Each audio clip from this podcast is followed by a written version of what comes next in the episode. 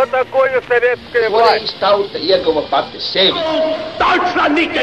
Liktenīgas nejaušības un slēptas likumsakarības, subjektīvas patiesības un objektīvi aizspriedumi.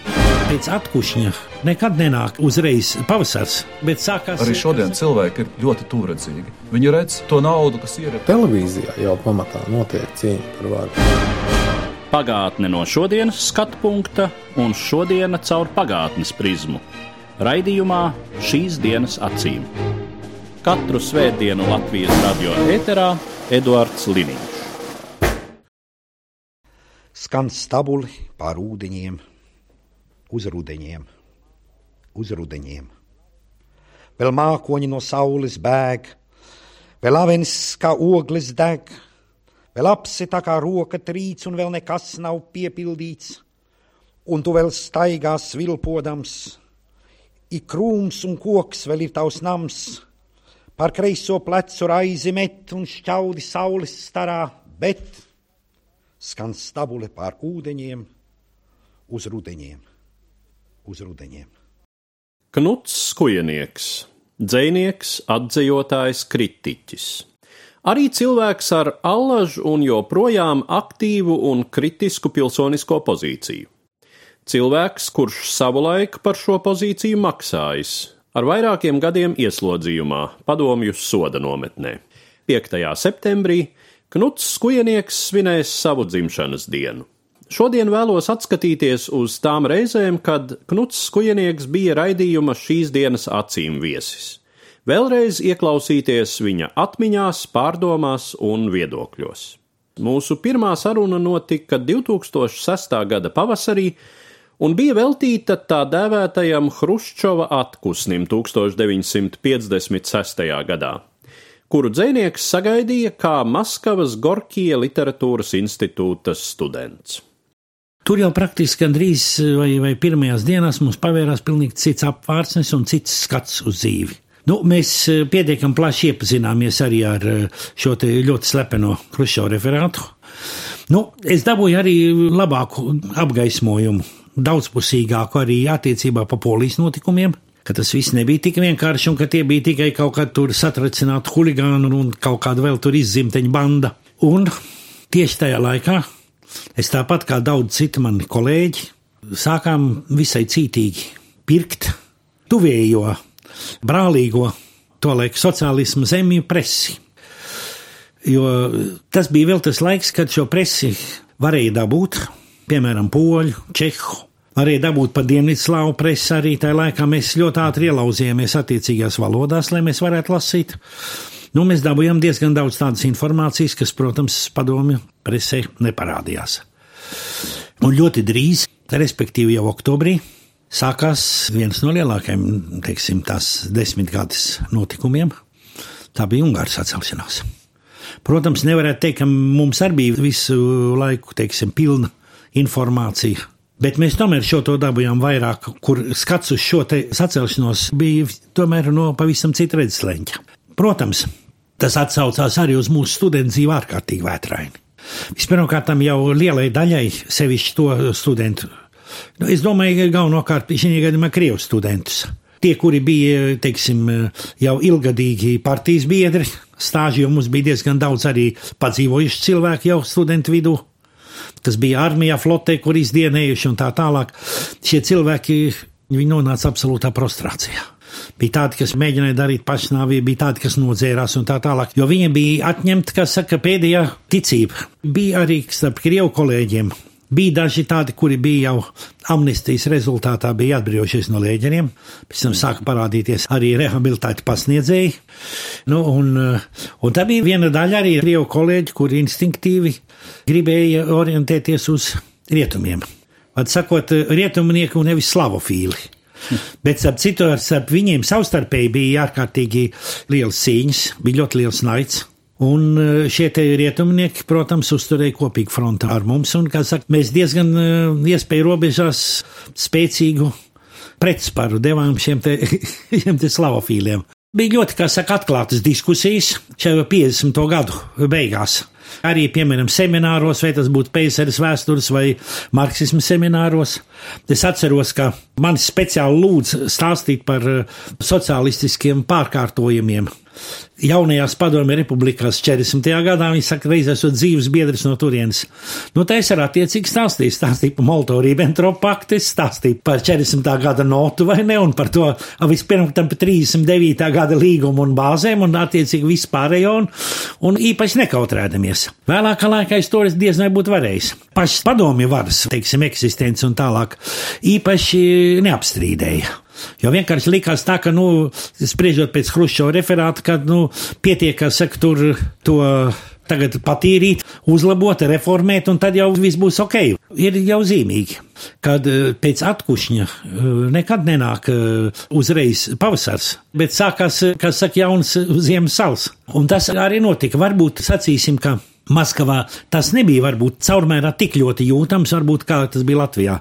Bet jau sākās, jau ir faktiski pāris gadu vēlāk, sākās, piemēram, Boris Pasternaka rīdīšanas kampaņa sakarā Nobela vai ne, un tā tālāk. Tas viss krājās. Pēc tam, protams, nāca atkal atplūdi jau 60. gadu sākumā, jau Hruščovs bija nokaitināts un uzbarēts māksliniekiem, pēc tam arī tādiem, tādiem kolēģiem kā Andriem Vozņesenskim un Jevgeņiem Jevtušenko.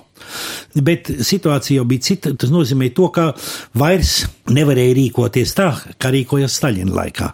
Jo, piemēram, teiksim, tēlnieks Ansņīs Viesnīs, kurš gan dabūja pēc tam emigrēt, bet viņš skaidri un atklātā tekstā pateica, ka Hruščovs šajos jautājumus, par ko viņš runāja, nejēga. Bet vēl 50. gados Hruščovs pats ir pilns spēku un, un lieta ir tāda, ka šie vecāki vārdi no viņa raustās.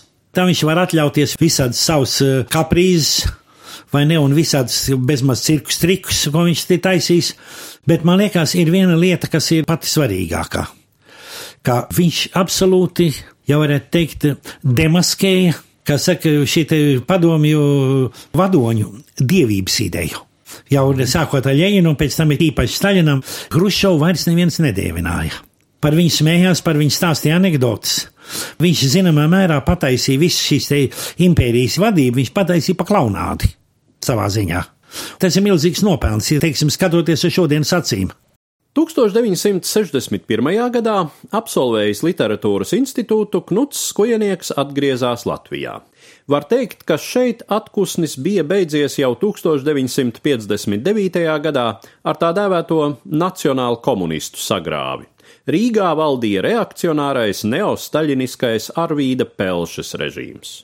Knuts Skujenieks kļuva par vienu no pirmajiem un vienu no spilgtākajiem šī režīma upuriem. 1962. gadā viņš saņēma reālu un pamatīgu cietumsodu par darbībām, kuras stingri ņemot pat nebija vērstas pret padomju varu Latvijā.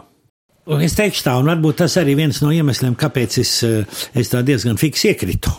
Bija tas, kad es, es redzēju, teiksim, visu Latvijas situāciju no tās situācijas idiotiskās puses.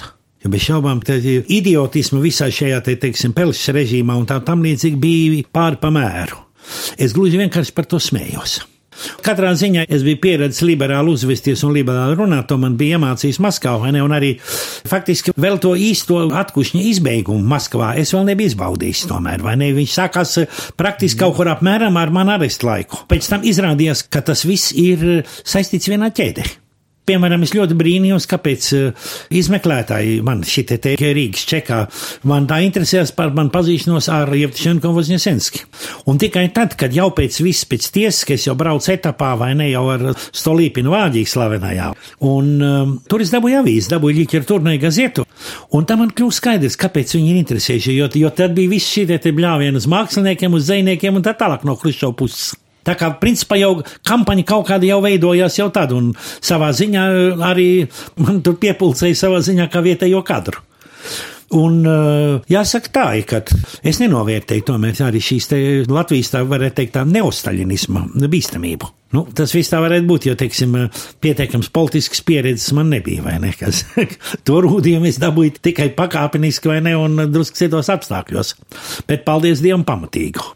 Tur lieta ir tāda vienkārši bija vajadzīgs, jo pēc tādas, nu tas ir vairāk vai mazāk tā uz tādu nostāstu līmeņu, vai ne, bet laikam tomēr ir tā, kad bija paredzēts prāvas represijas arī pret daudz redzamākiem rakstniekiem.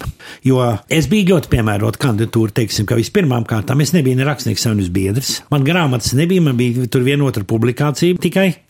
Tā pašā laikā man zināja sevišķi, teiksim, man viena auga un, teiksim, jaunāku un tā tālāk, un no dabīgi tie ar lipa man riņķī, jo, tomēr, es atbraucu kaut kur no no drusku plašākiem ūdeņiem, bija par ko runāt, un ko viņam stāstīt, un ko rādīt, un tā tālāk. Un mēs arī runājām ar kolēģiem par to, ka mums vajadzētu tomēr kaut kādā veidā mainīt mūsu kultūras politiku. Sevišķi attiecībā rakstnieku savienības vadību un tā tālāk izmantojot kongresu un tā. Nu, tas jau viss tika patiešām aiznesa. Par to mums runas bija, bet tas nekādā veidā netika protokolēts. Ne? Jo par tādām lietām apsūdzēt, tas būtu bijis eh, drusku pa skandalozu. Nu, tā atrada kaut kāds formāls iegansts, vai ne? Mēģināja pierādīt arī tiem vai citiem dzīvoļiem pretpadomu raksturu, ko ir ļoti grūti uzstiept. Arī vēl tagad skatoties uz šiem tekstiem. Nu, un otrs ir, lai vispār mani varētu tiesāt, lai tas nebūtu absolūts fars Mani formāli apsēdināja blakām eh, vēl eh, grupai cilvēku, no kuriem viens ar mani bija runājis un man klāstījis savus politiskos eh, plānus par Baltijas nākotni, kurus es uzskatīju par utopiskiem un teicu, ka es to neatbalstu un arī netaisos ar, ar viņu sadarboties. Bet, protams, tas nenozīmē, ka tāpēc es būtu skrējis uz tūru māju ziņot. Nu, vienīgais, atgriežoties pēc tam, tad, kad mēģināju, tomēr vai nu es nu, nevarētu drusku piepalīdzēt šiem te zēniem no stūrmājas. Bet, nu, es teicu, bet, draugi, mīļie, tad nevajadzēja man eh, dot attiecīgu pantu. Kādu jūs varat iztaisīt ziņotāju no neziņotāja? Tā kā es saku, lieciet man svētu mieru, un, un tā arī palika.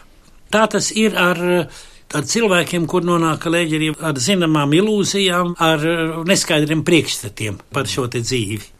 Knuts Skujenieks ir viens no ļoti nedaudziem latviešu literātiem, kurš nonāca ieslodzījumā jau pēc staļinisma perioda beigām, salīdzinoši maigākajā Hruščova un Brežņeva varas periodā.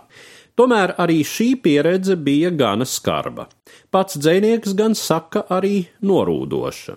Šim etapam Krutas kujinieka biogrāfijā samērā daudz pieskārāmies mūsu sarunā 2008. gada augustā, kas bija veltīta tobrīd nulle aizsaulē aizgājušajam krievu literātam Aleksandram Solženīcinam. Es pieredzēju arī savām acīm, kā lauza spītnieks un protestētājs. Un arī ātri vien noveda viņus līdz invaliditātei, un vienotru arī jau ārpus dzīvības robežas. Nu, bija cilvēki, kas bija, varētu teikt, fanātiski, taisnības mīlētāji, varbūt pat vairāk nekā tas būtu bijis vajadzīgs varbūt leģera apstākļos. Šie cilvēki absolūti, protams, sevi nesargāja, viņi nedomāja par sevi, viņi domāja par principu. Manā laikā, piemēram, bija pāris ieslodzīto, kuri oficiāli pieteicās, ka viņi ir ar mieru strādāt par konvoju suņiem. Sūtīja augstākās padomas prezidijam šādu iesniegumu, ka viņi ir ar mieru nerunāt, riet tikai staigāt četrāpus, jo, ka viņus interesē šī uzturdeva. Nu, protams, viņi par to attiecīgi dabūja. Cietuma režīmu, lēģeru vietā bija stipri nopietnāk. Lēģerī tomēr ir acīm redzot tāpat kā armijā, ir jāprot dzīvot un tas nav tik vienkārši. Bet uh, princips, protams, bija tikpat truls, tikpat atriebīgs. Vienīgais, ka iespēju bija uh, daudz mazāk represēt, jo ziņas par uh, represiju jau ātri vien nonāca, teiksim, Britu, amerikāņu un citās avīzēs. Lēģi arī sākumā mums atļāva fotografēties. Vienu šādu fotografiju arī no lēģa atsūtīja uz mājām lai redzētu tuvinieki, ka nu, mēs neesam galīgi nomocīti. Tad šādas fotogrāfijas tiešām sāka parādīties New York Herald Tribune un kaut kur citur, un tad visu šo bilžu bodīti aizklapēja ciet. Mūs turēja izolācijā, tad es domāju politiskos, un no mums ļoti sargāja kriminālistus. Nevis kā Staļina laikā, ka laida kopā un sevišķi, lai tie tur iznīcinātu, bet lai mēs nesamaitātu godīgus padomjus zagļus un slepkavus. Diemžēl es piedzīvoju arī to, ka ar maniem, teiksim, tiešām ļoti labiem un uh, sirsnīgiem leģerbiedriem, tolaik no Ļeņingradas vai no Maskavas, ka mēs sastapāmies 90. gadā politieslodzīto sanāksmē no Latvijas, no Lietuvas pārstāvi. Mēs vairs ar šiem ļengradiešiem vairs nevarējām atrast kopīgu valodu. Jā. Tāda ir dzīve. Bet par to, kas ir nodzīvots, kas ir kopā izciests un izcīnīts, nu par to vienalga pateicību. Trešā tikšanās ar Knutu Skujenieku raidījumā šīs dienas acīm notika 2009. gada pavasarī, kad apciemoju dzinieku viņa mājās. Mūsu sarunas temats bija aktuālā Latvijas sabiedriskā un politiskā situācija, taču neizbēgami nācās runāt arī par šīs situācijas sakņojumu pagātnē, arī visai senos vēstures slāņos gan jautājums attiecībā par valsti, gan jautājums arī par tautas izdzīvošanu. Tas ir tautas pašas rokās. Es tautu salīdzinātu ar tādu kā bioloģisku organismu. Paļauties uz tautas prātu. Tas ir kaut kāds 19. gadsimta lozungs, pie tam tas ļoti ideāls. Un tas, ka tautai tāpat kā dāmai vienmēr ir taisnība, es domāju, ka šodien tas jau ir pierādījies, ka tā tas gluži nav. Var 5 minūšu laikā, piemēram, lielu tautas daļu pārvērst par trakojošu pūli. Mūsu situācija vēsturiski, ja mēs ņemam tālākā griezumā, ir stipri sarežģīta. Viņa daudz sarežģītāka arī pat kā mūsu kaimiņi, kā Lietuva un Igaunija. Mūsu tauta izveidojās piespiedu kārtā. Tie nolādētie krustnešana, tas ordenis un tā tālāk. Bez viņiem Latvijas tautas kā tādas vispār nebūtu. Mēs skaidri redzam, ka šis reģions faktiski sastāvēja no vienām vienīgām eh, dažādu etnosu atlūzām. Ar dažādām valodām, ar dažādām ticībām, katrs ar savu interesi. Es šaubos, eh, ka tas būtu eh, kaut kā pats no sevis spējis iekšķīgi apvienoties un konsolidēties. Drīzāk tādā gadījumā mēs būtu brāļi Leiši vai vecākie brāļi Krievi. Tomēr būtībā mums trūkst arī, varētu teikt, starp cilvēkiem pienācīgas politiskas konsultācijas. Mēs skatāmies tagad rezultātu, cik milzīgi daudz balsu pie vēlēšanām aiziet uz tādām visādām sīkpartijām, kuras neiegūst vietu, kad atņem balsis. Nu, faktiski tas jau gan ir visu mazo tautu Bet latviešiem tas ir ļoti izteikts. Es jau no, no savas puses, protams, gribētu vēlēt Latvijai ilgu mūžu. Saules mūžs tas būtu drusku pa stipri, es domāju, teikts. Tā pašā laikā man ir grūti kaut ko pateikt. Es tādos gadījumos tiešām es atbildu, kā paši gribēs.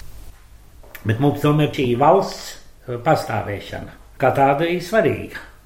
Un tāpat laikā es ļoti labi apzinos, un es arī piekrītu definīcijai, ka valsts ir represīvs instruments. Jebkura mūsu gadu gājumu lielā mērā jau varētu teikt, ir pamaitājis eh, padomju aneksijas režīms. Un vienā ziņā tas ir totalitārisms, tāds eh, izteikts moments, kad valsts savus pilsoņus padara no sevis maksimāli atkarīgus. Viņi piesien īsā saitītie vienalga, vai tas ir centrāla komitejas sekretārs vai tas ir sētnieks. Cilvēkiem ir iestrādāta psiholoģija, man pienākās. Mums vispār nekas nepienākās. Būtībā. Šeit ir tīra tas psiholoģiskais moments kaut kur cilvēkos iekšā, kā lūk, man ir jāsaņem, man pienākās. Tam ir ļoti grūti izsisties cauri. Jo te ir arī vajadzīgs tāds nu, nopietnāks līdzsvars valsts un sabiedrības līdzsvars attiecībā par aprūpējumiem un par apgādājumiem. Mums faktiski ir, joprojām ir neattīstīts sabiedriskās kustības. Pie tam ļoti maz mūsu apstākļos ir brīvprātīgā darba. Jo te jau ir pirmais jautājums, kas man par to būs. Varbūt, ka patiešām būtu vajadzīga kaut kāda Latvijas ideoloģija, bet jautājums kāda?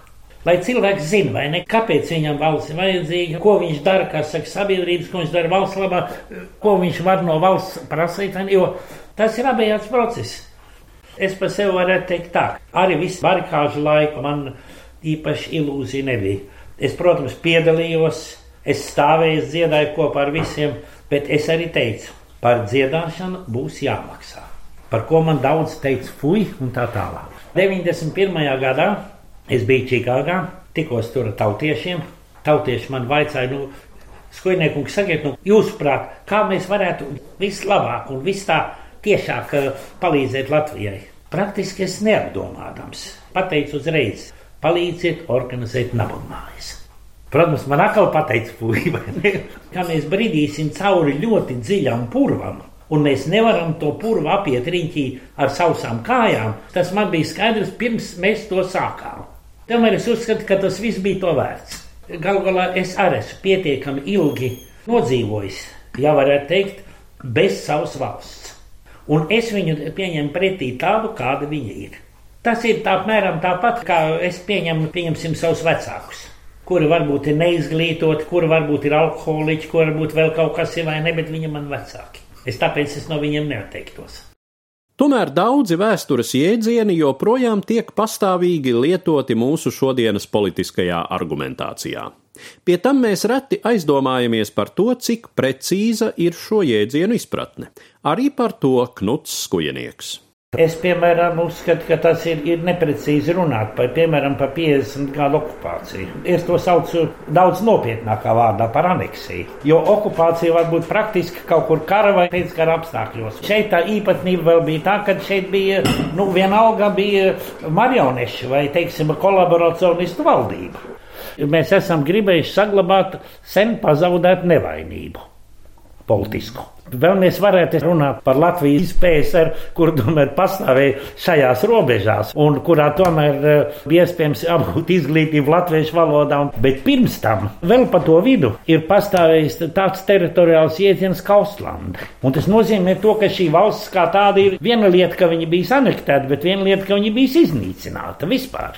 Šajā laika posmā, tagad pie neatkarības, taču gal galā gan Igaunija, gan Lietuva pieņem jaunu pamatlikumu. Otra lieta, es diezinu, vai sāktu starptautisku cīņu, nu kaut vai vēsturisku atmaskojumu komunismam. Jo tas ir pilnīgi bezcerīgi, jo, jo komunisms vienmēr ir bijis un vienmēr būs kā ideja. Vienkārši lietas jāsauc ar īstajā vārdā.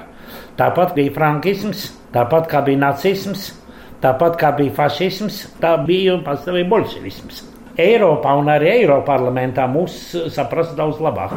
Tad ir pilnīgi skaidrs, jo ideja par vispārēju vienlīdzību un laimi, ka utopija viņa neiznīdējama ir. Ne? Kaut kā mums diezgan dīvains eh, jēdziens sajaukums. Ka mums cilvēkus, kuri izteikti nacionāli radikāli, kurus es neesmu pārliecināts, ka viņi Latvijai darītu daudz laba. Tos pie mums teiksim, visos eh, preses izdevumos un tam līdzīgi dēvē par nacionālu patriotiem. Kas ir no vispār jau tas nosaukums pats par sevi jocīgs. Bet eh, es esmu pārliecināts par to, ka eh, patriotismu nav nevienam no monopola. Lai viņš viņu mīl savādāk, lai viņam šajā valstī ir no mums atšķirīgs intereses. Tas nav pats būtiskākais. Bet būtiskākais ir tas, ka viņam Latvija ir vajadzīga. Tas ir tas punkts, kurā mēs varētu ar šiem cilvēkiem runāt un kur mēs varētu vienoties. Tas, manuprāt, ir pats svarīgākais punkts. Dabīgi vienam latvietim interesi un vajadzība ir atšķirīga, bet mēs neesam iemācījušies šādā veidā ar cilvēkiem runāt. Vismuļķīgākais, ko mēs darām, ir pat ne tas, ka mēs ar viņiem strīdamies vai lamājamies. Un tas var būt, ka mēs pat kādreiz kaujamies. Vissliktākais ir tad, kad mēs viņus vienkārši ignorējam. Tā kā viņu vispār nebūtu. Un, diemžēl tas ir pārāk izplatīts, un tā, tā ir ļoti bīstama tendence. Jo ar to, kuru tu ignorē, tev nebūs nekādas iespējas īpaši sadarboties. Ar integrāciju tā kā pagaldi, kad viena pagalda nedeg. Integrācija ir savstarpējs process, un šī gadījumā ir jautājums par visu tautību, savstarpēju, politisku vai ekonomisku vai kaut kādu citu kultūru, saglabājot katram varbūt savu identitāti, bet sastrādājoties. Mēs jau tagad reāli redzam, ka vislielākais vēlētāju reitings ir eh, saskaņas centram. Un viņš pārsniedz visas, visas patreizējās latviešu partijas. Nu, tas ir rezultāts, pie kā mēs esam nonākuši. Mums sākot ar vēlētājiem un beidzot ar ievēlētajiem un ieceltajiem, tad šauri egoistisks skatījums uz lietām pārāk. Mūsu sarunas laikā ļoti aktuālas bija šobrīd nedaudz pieklusušās idejas par būtisku satversmes un citu likumdošanas reformu nepieciešamību. Jāatzīstas, ne katram dzēnieka spriedumam gribu šobrīd pilnībā piekrist, tomēr tie visi ir ieklausīšanās un apsvēršanas vērti. Kamēr mums nebūs nopietni izsvērtas un eh, attiecīgi izdebatētas un pieņemtas eh, konstitūcijas, Mēs neko netiksim, jo visi šie politiskie procesi, kas šodien notiek, viņi taču satversmē kā tādā vispār nav paredzēti. Un tas atbrīvo visiem rokas.